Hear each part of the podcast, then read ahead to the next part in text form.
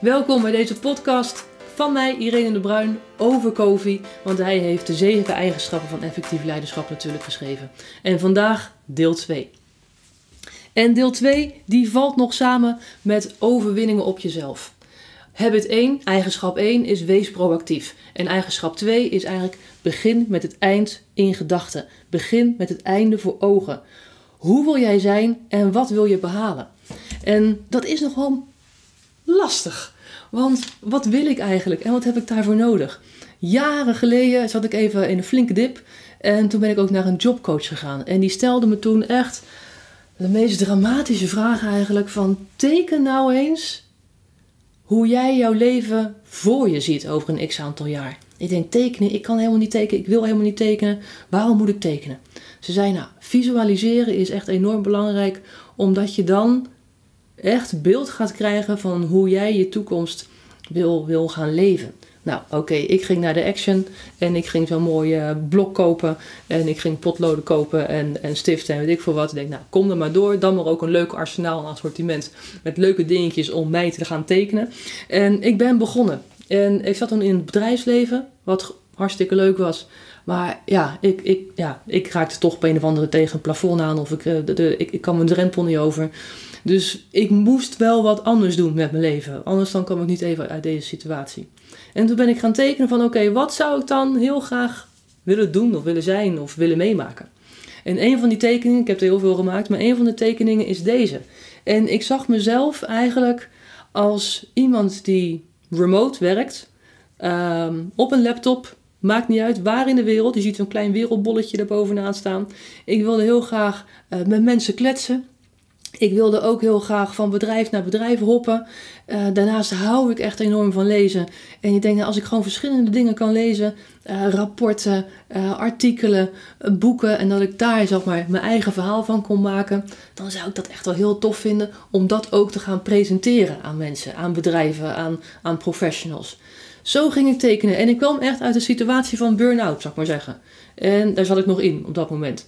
En toen dacht ik van oké, als ik dit wil, dan moet ik wel eventjes gaan schakelen, want dit heb ik nu niet. En uh, toen dacht ik van, alright, dan gaan we daar naartoe werken. Want het voelde wel goed om, om nou ja, te kletsen over de hele wereld, voor bedrijven te werken, uh, dingen te lezen en dat ook weer presenteren aan andere mensen. Dat, dat, dat zag ik echt wel voor me. Dus, nou, toen dacht ik, dan moet ik daar een beetje naartoe gaan werken. En dan moet ik iets van trainingen gaan geven of iets van les geven. En toen ben ik eigenlijk gestart in 2010 als zij-instromer in het onderwijs. Om alvast te leren om voor zo'n groep te staan. En het was way out of mijn comfortzone, maar ik heb het toch gedaan. En hey, ik zit nog steeds in het onderwijs, dus het was best leuk. En, um, maar op een gegeven moment, want ik had natuurlijk wel die droom van ook voor bedrijven werken. En ik zat nog steeds op het stukje van leren trainen en leren om voor een groep te staan. En dat had ik nu eigenlijk wel een beetje gefixt. Check, ik kan voor een groep staan. Ik vind het leuk om met studenten te, te ouwe hoeren en te babbelen. Maar dan. Dus het begon weer te kriebelen. En in 2017 was dat een paar jaar terug. En toen dacht ik van oké, nu wordt het ook tijd om echt ook professionals te gaan trainen en te gaan coachen. En daardoor heb ik me dus ook eigenlijk weer gerelateerd terug aan deze tekening weer de volgende stappen gezet om ook met uh, bedrijven aan de slag te gaan. Dus deze tekening die is in 2008 of 2009 gemaakt. Totaal niet weten of het überhaupt ging uitkomen. En ik moet zeggen, ik ben al best ver. En ja, het duurt lang. Maar het leven is gelukkig ook in de meeste gevallen best wel lang. En die moet je invullen zoals jij dat wil. Dus ga eens tekenen. Ga eens kijken wat jij wil en wat je daarvoor nodig hebt. Want je kan natuurlijk dingen willen, maar dan moet je er ook piketpaaltjes, mijlpalen voor maken van om dingen te gaan behalen. En dat betekent dus dat je moet beginnen eigenlijk met het einde voor ogen. Wat wil jij doen? Waar wil jij jezelf mee bezighouden? En als je dat weet, dan weet je ook waar je naartoe moet werken. En dan begrijp je ook beter, soms als je denkt waar gaat het leven allemaal over, dan weet je ook beter van oké, op welk punt sta ik nu op weg naar mijn droom? Op weg naar het leven dat ik wil gaan leiden. Dan weet je dat. Dat maakt echt een stuk bewuster en het geeft je ook een soort kalmte en, en, en ergens ook blijdschap dat je weet waar je mee bezig bent. En omdat je dan weet wat jouw einddoel in het leven is, of einddoel in het leven klinkt wel heel erg heftig, maar in ieder geval jouw, jouw droombeeld van waar je naartoe wilt, dan zet je ook stappen in de juiste richting. En uh, een hele beroemde uitspraak van Jim Rohn, echt een persoonlijk leiderschapsgoeroe naast uh, Covey, is: If you don't design your own life plan, chances are you fall into someone else's plan and guess what they've planned for you? Not much. Nee, je moet je eigen plan gaan maken. Of nou, niet moet, niks moet. Maar als je niet in de waan van de dag wilt leven en dat je gewoon een soort grip wil hebben op jouw leven, maak dan een plan. Zodat je als je vragen krijgt van andere mensen die jou op, jou, op, op hun pad wil hebben, dat je daar ook een keer gewoon nee kan tegen zeggen. En nee zeggen is zo ontzettend krachtig, maar dan moet je wel weten waarom je nee zegt. En als die opdracht of die vraag van die andere persoon zorgt ervoor dat jij niet kan doen wat je wil doen, dan moet je nee zeggen. Want je kan tijd maar één keer uitgeven. Dus ga er zuinig mee om. De waan van de dag, ik had het al net over. We zijn echt enorm actief bezig altijd, maar niet altijd heel effectief. Want we leven in de waan van de dag en alles gaat en we worden ook echt wel geleefd.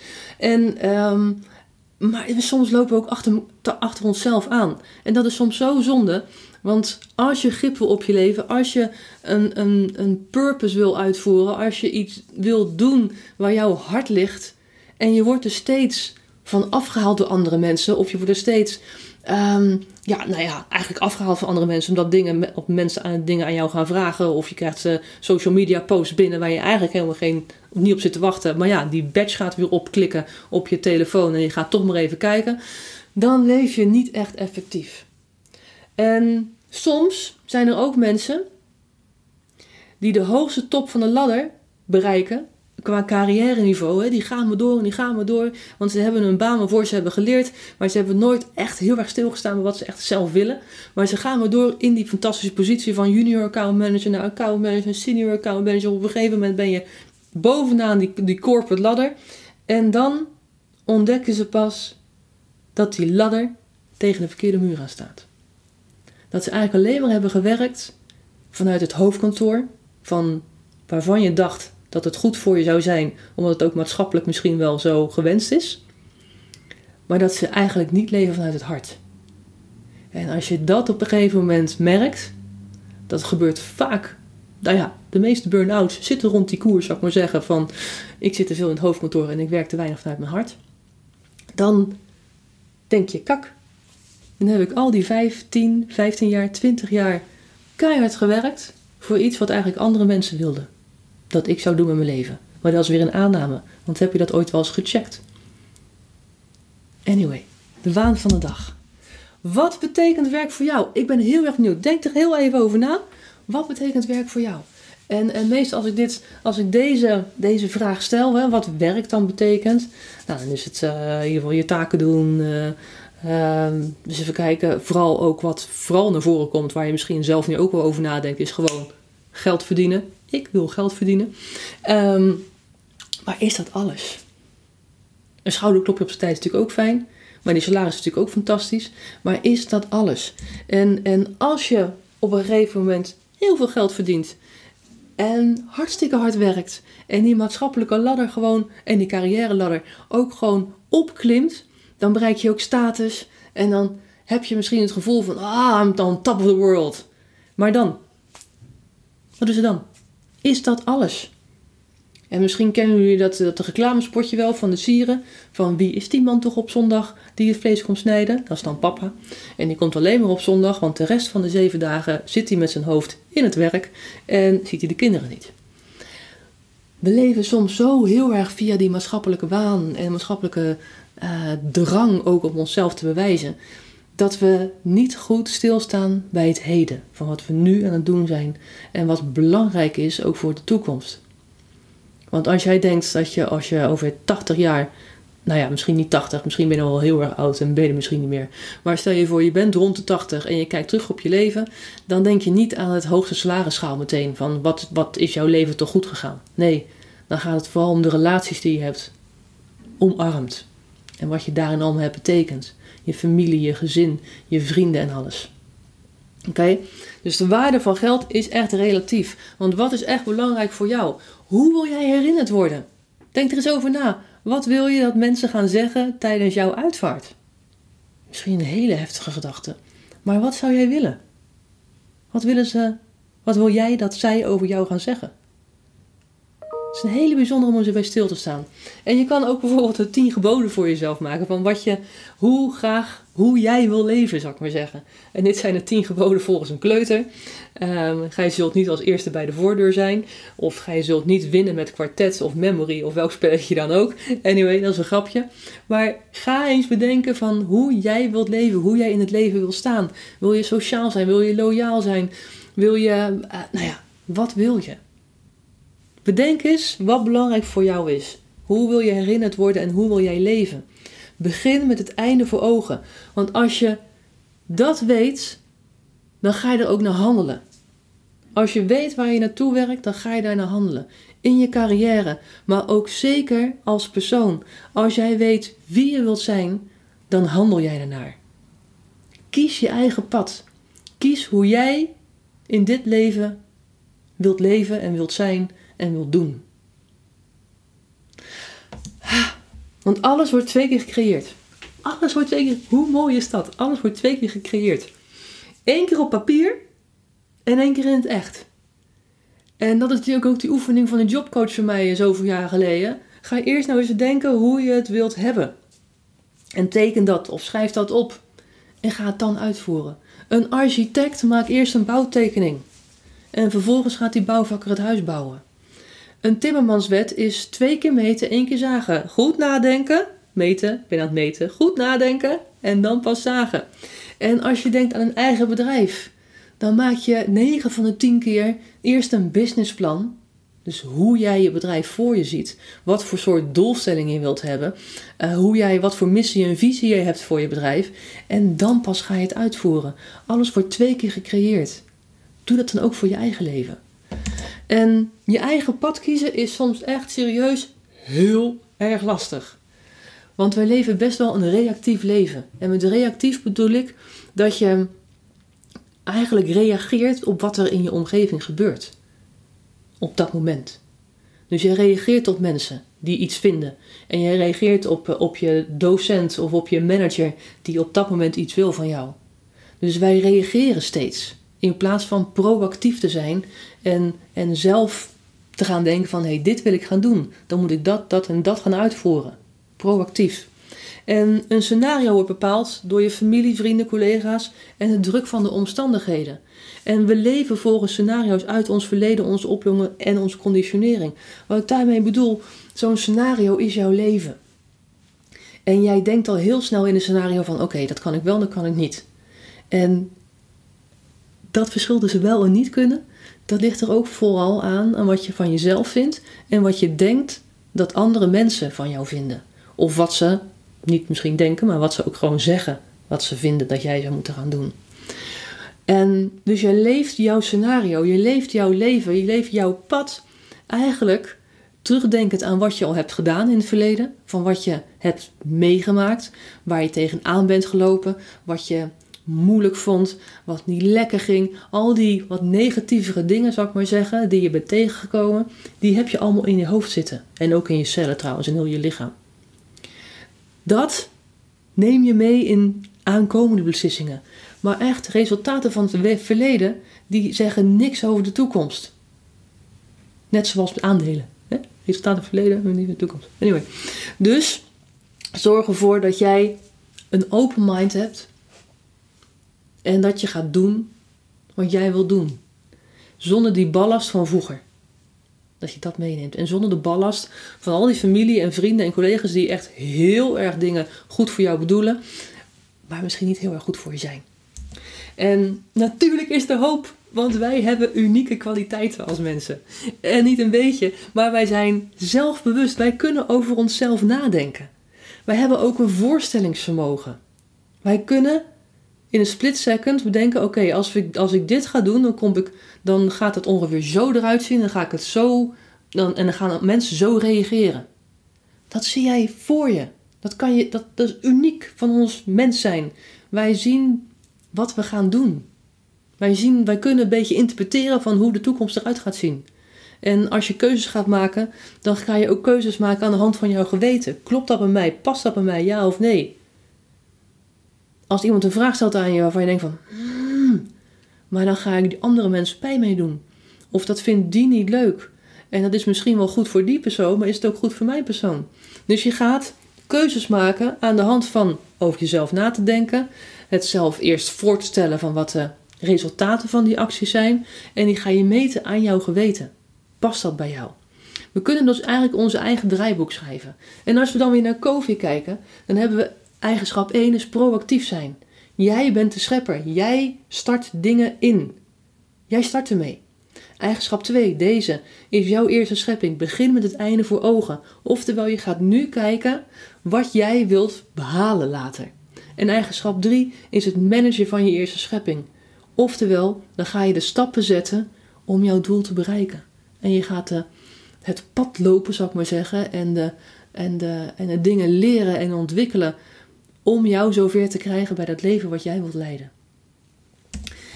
Leiderschaps versus management. Een leider heeft een visie. Die weet waar je naartoe gaat en heeft een helikopterview. En een manager die voert uit. En die denkt vooral in resultaten. Een leider, een ondernemer bijvoorbeeld, is een heel ander persoon dan een manager. Een ondernemer die, die, die, die, ziet al meteen uh, product A, die gaat het zeker hartstikke goed doen bij zo en zo'n doelgroep. En dan gaan we dat mee behalen. En die schakelt daar ook heel snel, want hij heeft een visie. Hij weet waar hij naartoe wil. Dat is een leider. En die heeft ook een overview van, van hoe de dingen allemaal werken om zich heen. En die pikt allemaal signalen uit, uit zijn omgeving, van zijn eigen personeel of uh, van daarbuiten, waar hij op in wil gaan springen. Of juist niet. En een manager die voert eigenlijk uit wat die leider heeft bedacht. En die denkt dus ook resultaten. Dus die doelstellingen, die je gaat maken voor jezelf natuurlijk ook, die zeggen van oké, behaald of niet behaald. Check, check, dubbel check. Niet behaald, hoe dan wel? Wel behaald? Jee! Een manager probeert zo efficiënt en succesvol mogelijk de ladder te beklimmen. Een, een, ladder, een leider kijkt of de ladder tegen de goede muur staat. Ben je eigen leider en manager. Ben jij een schepper? Beeld je voorstellingsvermogen eens in. Wat wil je? Geweten. Ben je bewust van jouw universele wetten sorry, of principes? En zelfbewustzijn. Wat is belangrijk voor jou? Ga eens aan de slag met die drie dingen. En dan krijg je vanzelf je persoonlijke missie. Van wat wil je zijn qua persoonlijkheid? Wat voor soort persoon wil je zijn? Wat wil je doen? Welke bijdragen en prestaties wil jij leveren? En wat zijn jouw waarden en principes die daarbij horen? Oftewel, dat is jouw grondwet. Jouw maatstaf of je nog op het juiste pad loopt. Wat is jouw persoonlijke missie? Wat wil jij doen? Wie wil jij zijn? En hoe ga je dat doen? Stel je voor, je komt in een reorganisatie terecht. En um, dat betekent dat je naar een ander team moet, dat je een andere manager krijgt, je krijgt of andere taken. Nou, verzin het maar. Allemaal zwaar. Mm, kut. En dat kan nog wel eens tot um, irritatie leiden. En angst en boosheid. Van waarom moet ik nou weer bij die manager gaan zitten? Of waarom moet ik in dat team met die collega's die ik eigenlijk echt helemaal niet leuk vind? Dan is het heel belangrijk om te weten wie jij bent en wat jij wil bereiken. En als jij je persoonlijke missie hebt opgeschreven met jouw standpunten en, en, en al die keuzes die erbij ook horen, dan weet je of je met deze reorganisatie jezelf weer kan voegen of niet. En met voegen bedoel ik eigenlijk dat je weer kan functioneren daarin. Want verandering is altijd, voor de meesten in ieder geval, eng. Omdat je niet weet wat er gaat gebeuren straks. En als je niet weet wat, je, wat er gaat gebeuren, dan word je bang en boos en dan ga je met je kont tegen de krip aan zitten en dat gebeurt er dan. Maar als jij weet wie je bent, wat je wilt doen, welke bijdrage je wilt leveren en welke waarden en normen erbij horen voor jezelf, dan kan je de keuze maken: oké, in mijn cirkel van invloed, in mijn eigen cirkel van invloed, wil ik dan meegaan met deze reorganisatie of niet? Ga ik mezelf zo manoeuvreren in mijn eigen cirkel van invloed om mezelf aan te passen aan het team, om een, een leidersrol te creëren in zo'n team, om nieuwe dingen te gaan ontwikkelen in een nieuw team of met een nieuwe adjunct of met een nieuwe teamleider of whatsoever? Of heb ik zoiets van, uh, het is allemaal kak. En uh, ik ben erbij betrokken, maar ik vind het eigenlijk echt helemaal niet leuk. En ik wil helemaal niet veranderen. En zoek het allemaal maar uit. Dan wordt het tijd dat je eruit stapt. Dan wordt het tijd dat je misschien naar een andere baan moet gaan. Maar denk aan je cirkel van invloed. Dus wat jouw krachten zijn, wat jouw pad is. En past die nog bij het bedrijf, ja of nee? En, of, of de studiekeuze, of weet ik veel wat. En, en als je niet goed voor ogen hebt van wie jij bent, wat je graag wilt doen, welke waarden en normen je hebt, dan kan je nooit zo'n krachtige, bewuste keuze maken. En leef je weer in de baan van de dag en ga je mee op de meningen van anderen. En uh, daar worden we meestal niet heel erg veel vrolijker van. Vind je eigen pad dus. Heel belangrijk, vind je eigen pad. Weet wat je wil doen. Creëer eens een persoonlijke missie. En uh, maak bewuste keuzes daardoor.